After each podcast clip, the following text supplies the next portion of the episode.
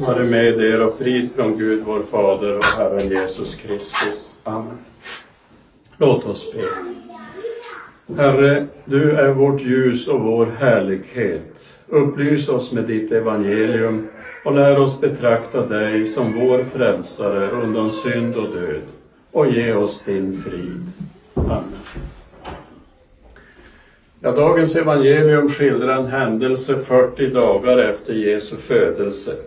40 dagar, det var den reningstid enligt Mose lag för en kvinna som hade fött en pojke. Lagen gällde en kvinna som blir havande och föder barn. Ordet som används i Mose lag och som är översatt kvinna, det, det, det, det betyder just det, kvinna eller hustru. Men Maria var en jungfru. Hon hade inte blivit havande på naturligt sätt utan genom ett under av den helige Ande. Och hennes barn är heligt. Han både är och kallas Guds son. Och därför gällde inte den här lagen om en barnaföderskas rening Maria och hennes son. Men Jesus han blev ställd under lagen från början av sitt liv. Och det var också bestämt att då skulle kvinnan bära fram ett årsgammalt lamm som brännoffer och en duva som syndoffer. Men om hon var fattig och inte hade råd med ett lamm så skulle hon ta två duvor. Och så hör vi Lukas att Maria bar fram två duvor och därför drar vi slutsatsen att eh, Jesu föräldrar var mycket fattiga vi drar slutsatsen att de vise männen hade ännu inte kommit 40 dagar efter Jesu födelse med sina generösa gåvor. Men de var säkert på väg någonstans där, ledda av stjärnan. Allt som gjordes eh, i enlighet med lagen när Jesus var nyfödd, alltså då tänker jag på omskärelsen på den åttonde dagen, och eh, reningen här 40 dagar efter hans födelse. Det lär oss att han har uppfyllt Guds lag både i stort och smått. Han som är lagens herre blev ställd under lagen för vår skull. Jag såg så det eh, heter i, Roma, i Galaterbrevets fjärde kapitel. När tiden var fullbordad sände Gud sin son, född av kvinna och ställd under lagen, för att han skulle friköpa dem som stod under lagen, så att vi skulle få söners rätt. Vi lever ju i en tid och vi tillhör ett folk som aldrig har varit skyldiga att eh, hålla ceremoniallagen i Moseböckerna. Men det var inte bara ceremoniallagen som Jesus kom för att uppfylla, utan han kom för att uppfylla all, hela Guds lag alla krav på rättfärdighet som Gud har. Ingen kunde överbevisa honom om synd. Och därför är vi glada över de här vittnesmålen om vad som gjordes enligt lagen när Jesus var ett spädbarn. För det vittnar om att han uppfyllt alla Guds krav, både i stort och smått, så att ingenting fattas i den rättfärdighet som han har vunnit åt oss. Och det här stället som vi läste då i Galaterbrevets fjärde kapitel, det skildrar ett byte. Och det kan vi tänka på när vi idag hör att Jesus bärs fram i templet i enlighet med Mose lag. Han blev lydig alla Guds krav på rättfärdighet i vårt ställe. Och genom sin lydnad så har han friköpt oss från det straff som vi förtjänat med våra brott mot Guds lag. Och alla som tar emot honom har fått rätt att bli Guds barn. Men nu ska vi höra vad som hände då när Josef och Maria bar fram Jesus i templet. På den tiden fanns i Jerusalem en man som hette Simon. Han var rättfärdig och gudfruktig och väntade på Israels tröst och den helige Ande var över honom. Och av den helige Ande hade han fått den uppenbarelsen att han inte skulle se döden förrän han hade sett Herrens morde. Ledd av anden kom han till templet och när föräldrarna bar in barnet Jesus för att göra med honom som det var sed enligt lagen tog han honom i sina armar och prisade Gud. Simon kallas rättfärdig och gudfruktig. Och han var säkert en hederlig människa, en god granne som gjorde goda gärningar. Men lika säkert är att det var inte därför som, som han kallas rättfärdig. För i Bibeln så kallas de människor rättfärdiga som genom tron har tagit emot Guds nåd och förlåtelse. Och, och att han kallas gudfruktig har ju här precis samma betydelse. Så han hade tagit emot Guds godhet och nåd genom tron. Simon, Simon tog Jesus i, i, sina armar och så började han prisa Gud och förkunna för de närvarande. Och där var ju närmast då Josef och Maria och, och där var säkert eh, redan eh, Eh, profetissan Hanna och, och präster och folket. Och så förkunnar han, Herre, nu låter du din tjänare sluta sina dagar i frid, så som du har lovat. Eller en annan översättning säger, nu låter du din tjänare gå hem i frid så som du har lovat. Men det handlar ju inte om att gå hem till sitt, sin bostad i Jerusalem utan han tänker på sin sista stund som han kan avsluta i frid. Och det är ju bara en troende som kan säga så. I Romarbrevet läser vi När vi nu har förklarats rättfärdiga av tro så har vi frid med Gud genom vår Herre Jesus Kristus.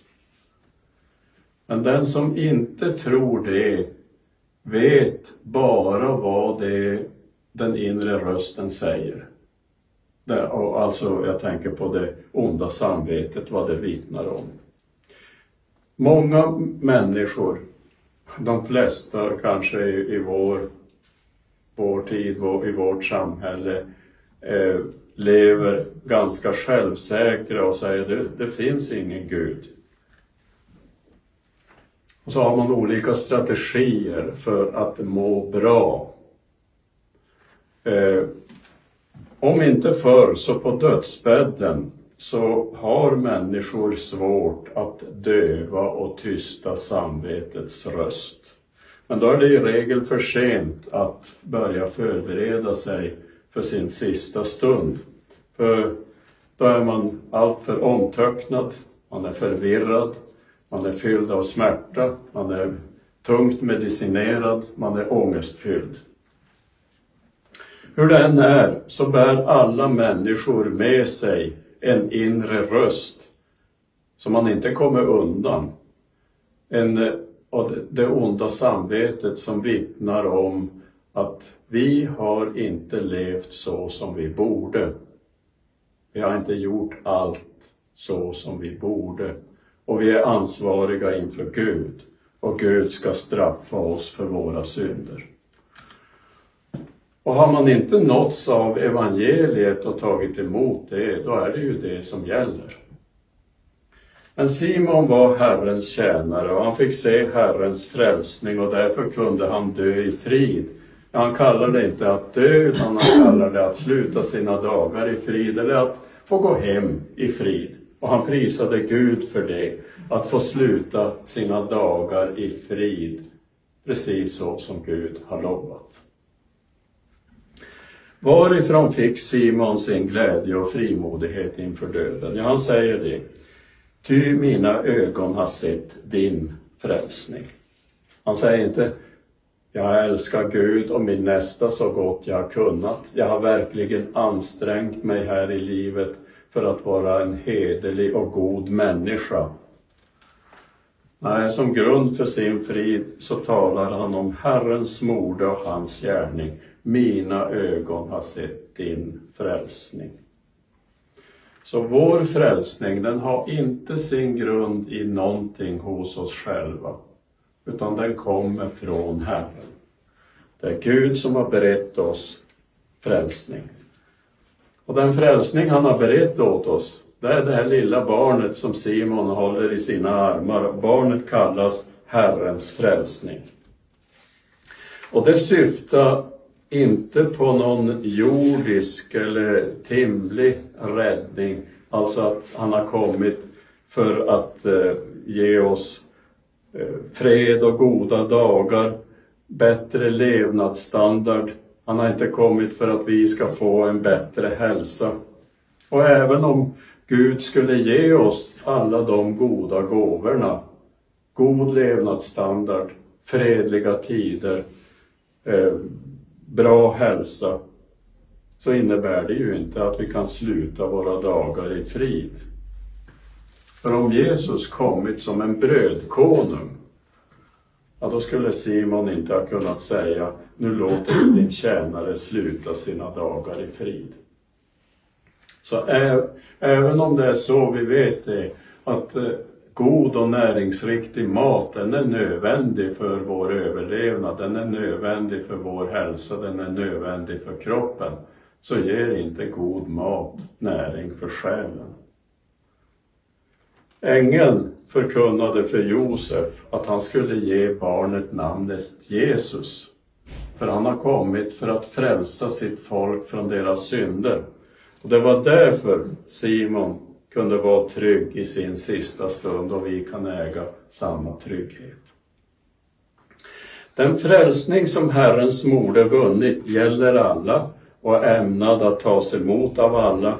För Simon säger att han har sett Guds frälsning som han, han, han har berett att skådas av alla folk. Så Gud vill att alla människor, Gud vill att vi ska se på Jesus på samma sätt som Simon. Och då kanske någon säger, Simon såg honom med egna ögon. Den möjligheten erbjuds ju inte till alla. Simon såg honom visserligen med egna ögon, men det var ju inte det skådandet som frälste honom. För i så fall skulle ju fariseerna eller Kaifas eller Pilatus också har blivit frälsta, för de såg honom ju också med sina egna ögon. Och det var inte skarpa ögon som gjorde att Simon kände igen det här barnet bland alla andra barn som enligt lagen bars fram i templet. Och det var inte med sina ögon som han vann den säkerheten att det här är Herrens mode, Guds Messias. Nej, det skedde med Andens ledning. Eh, av den helige Ande hade han fått den uppenbarelsen att han inte skulle se döden förrän han hade sett Herrens mode. Ledd av Anden kom han till templet. Och när föräldrarna bar in barnet Jesus tog han honom i sina armar och prisade Gud. Och Simon säger att han vill sluta sina dagar eller han vill gå hem i frid efter Guds löfte, så som du har lovat, säger han. Genom evangeliets löfte, genom Andens upplysning, vill Gud att alla människor ska bli frälsta och komma till insikt om sanningen. Jesus, han är beredd att skådas av alla folk, så att de betraktar honom som sin frälsare i tron på Guds löften. Och för att understryka att Jesus är en frälsning för alla folk så fortsätter Simon och säger så här. Ett ljus som ska uppenbaras för hedningarna och en härlighet för ditt folk Israel. Så alla folk, det innefattar alla hedna folk tillsammans med Guds folk Israel.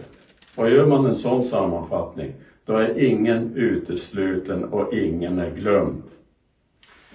Hedningarna som förblindats genom sina falska föreställningar så att mörkret sänkts över deras oförståndiga hjärtan, som eh, beskrivningen är i Romarbrevet, de skulle upplysas till kunskap om Guds Messias genom evangelium. Israels folk, för vilka deras egen laguppfyllelse hade blivit deras härlighet och deras berömmelse inför Gud. För dem skulle det predikas att deras rätta härlighet, deras rätta berömmelse inför Gud, det var det här barnet som uppfyllt lagen i deras ställe. Och Simon, han förkunnade nu det för alla närvarande. Att Jesus kallas ett ljus som ska uppenbaras, att han kallas en härlighet, det innebär att vi är i mörker. Av naturen så är vi i mörker och behöver honom som vårt ljus. Vi behöver upplysas av honom.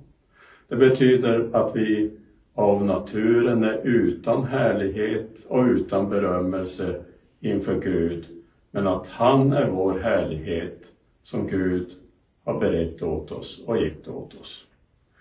Så säger också Paulus i Romarbrevet där han buntar ihop alla människor, både hedningar och judar, i en enda hög och så säger han alla har syndat och saknar härligheten från Gud. Eller som en annan översättning säger alla har syndat och har inget att berömma sig av inför Gud. Och så fortsätter han att tala om dessa människor, dessa alla som har syndat och saknar härligheten från Gud. Alla dessa som inte har något att berömmas av inför Gud. Och vad säger han? Dessa står nu som rättfärdiga utan att ha förtjänat det av hans nåd, därför att Kristus Jesus har friköpt dem. Och därför är Jesus vår härlighet som Gud har gett oss, eller som det heter på ett annat ställe, hans namn är Herren vår rättfärdighet. Så vi kan hämta tröst, eh, vi kan hämta frid och glädje av Simons predikan för han understryker att Jesus är beredd att ta sig, beredd av Gud att ta sig emot som frälsare av precis alla. Han är också vårt ljus, han är vår härlighet, så att vi med Simon kan säga nu låter du din tjänare sluta sina dagar i frid, eller gå hem i frid, du trofaste Gud, efter ditt ord och löfte, du har skådat din frälsning. Amen. Låt oss så be. Herre himmelske Fader, vi tackar dig för att du har sänt din son till vår frälsning. Lär oss att prisa dig för frälsningens gåva. Hjälp oss att som Simon vara glada över dina löften. Ge oss samma trygghet, både i liv och i död. Ge oss din frid. Vi ber att du sänder oss din Ande för att upplysa oss, helga oss och bevara oss i den rätta tron till livets slut. Amen. Så låt oss tillsammans bekänna vår heliga